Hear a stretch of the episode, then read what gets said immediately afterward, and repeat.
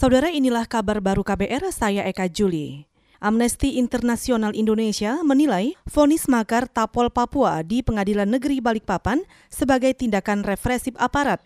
Direktur Eksekutif Amnesty Internasional Usman Hamid beralasan pola represif itu terlihat saat pemerintah menghadapi kritik dari masyarakat seolah-olah tindakan makar. Fakta persidangan menunjukkan tidak ada bukti adanya makar. Meskipun dituntut oleh pemerintah melalui kejaksaan se sebesar 17 tahun penjara, akhirnya hanya difonis 11 bulan. Ini satu satu ketimpangan yang yang jomplang sekali gitu ya antara apa yang dibayangkan oleh pemerintah melalui kejaksaan dengan hakim dan itu lagi-lagi menunjukkan pola penanganan yang represif terhadap uh, dinamika kritik yang berkembang di dalam masyarakat. Direktur Eksekutif Amnesty Internasional Indonesia Usman Hamid menambahkan Tindakan represif aparat juga terjadi terhadap aktivis Makar Maluku dan juga aktivis lingkungan yang mengkritik kebijakan pemerintah.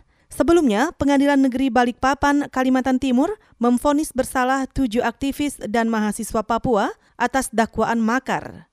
Hukuman bervariasi dari 10 hingga 11 bulan, lebih rendah dari tuntutan jaksa dari 5 hingga 17 tahun penjara.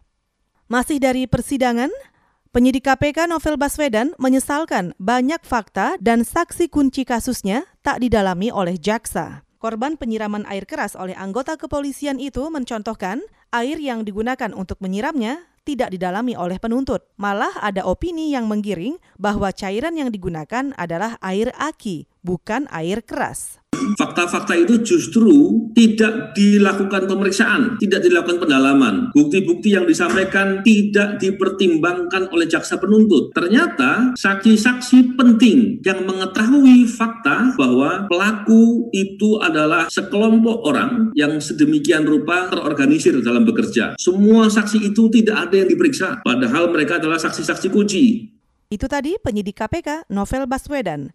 Dalam diskusi daring kemarin, Novel mengatakan sudah menyampaikan protes itu. Namun, jaksa beralasan saksi yang dimaksud tidak masuk dalam berkas perkara.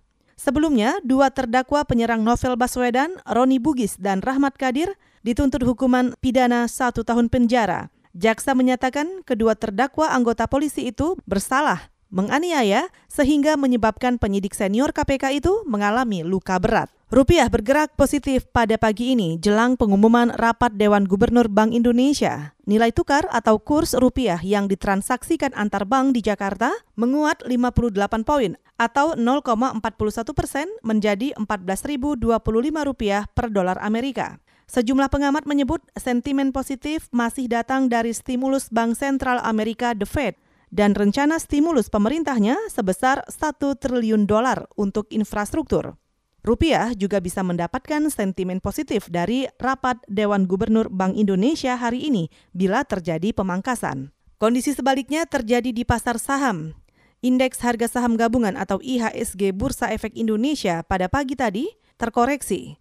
IHSG dibuka melemah 30,51 poin atau 0,61 persen ke posisi 4.957,26. Saudara, demikian kabar baru. Saya Eka Juli.